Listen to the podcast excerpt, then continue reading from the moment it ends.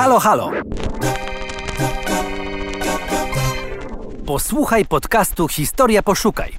Wybieramy najciekawsze tematy, tropimy losy niezwykłych bohaterów i bohaterek, sięgamy po fascynujące źródła historyczne. To co, gotowi? Przejdźmy więc do historii.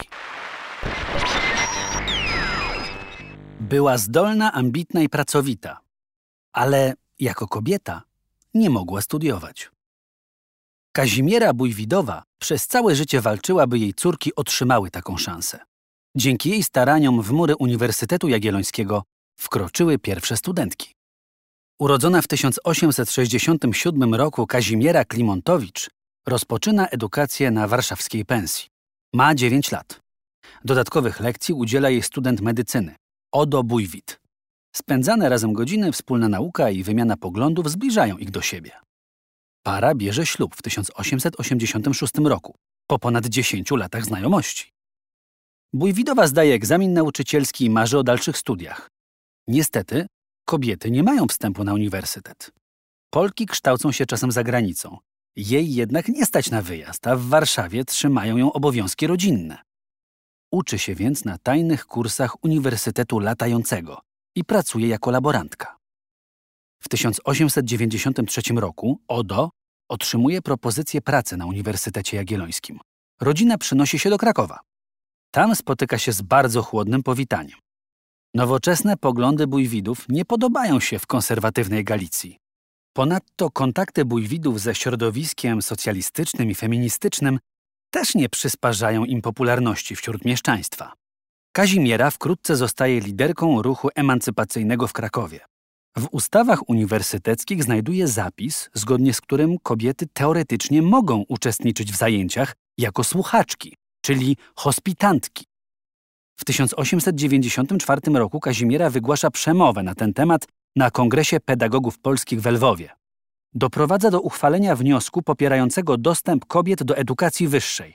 Z jej inicjatywy ponad 50 Polek pisze do władz Uniwersytetu Jagiellońskiego oficjalne prośby o przyjęcie na studia. Wywierany nacisk odnosi skutek i w tym samym roku zostają przyjęte trzy pierwsze hospitantki. Nie mają jeszcze prawa do dyplomu, a także muszą uzyskać zgodę każdego profesora na udział w jego wykładach. W 1897 roku kobiety zostają dopuszczone do studiów na Wydziale Filozoficznym, a rok później na lekarskim. Nie wszystkim podobają się te zmiany. Wybitny chirurg Ludwik Rydygier w 1895 roku pisze oburzony. Biorąc rzecz zasadniczo, to równouprawnienie kobiet z mężczyznami jest nonsensem, bo się sprzeciwia odwiecznym prawom natury. Precz więc z Polski z dziwolągiem kobiety lekarza. Do rozpoczęcia studiów potrzebna jest jednak matura. I tu pojawia się drugi problem. Żeńskie szkoły do niej nie przygotowują. Bójwidowie doprowadzają w 1896 roku do utworzenia gimnazjum dla dziewcząt, którego program nauczania nie różni się od męskiego. Gdy cztery lata później 21 uczennic zda egzamin maturalny, nawet najwięksi sceptycy zostaną przekonani. W Krakowie i Lwowie zaczną powstawać kolejne gimnazja żeńskie. Córki bójwidów mogą w pełni skorzystać z praw, o które walczyła ich matka. Jak myślisz, jakie obrały ścieżki? I czy profesor Rydygier podał rękę kobiecie lekarce? Na te pytania odpowiedzi znajdziesz na portalu Historia Poszukaj w artykule Karoliny Dzimiry Zarzyckiej pod tytułem Rewolucja Kazimiery Bójwidowej. Pierwsze krakowskie maturzystki i studentki na przełomie XIX i XX wieku.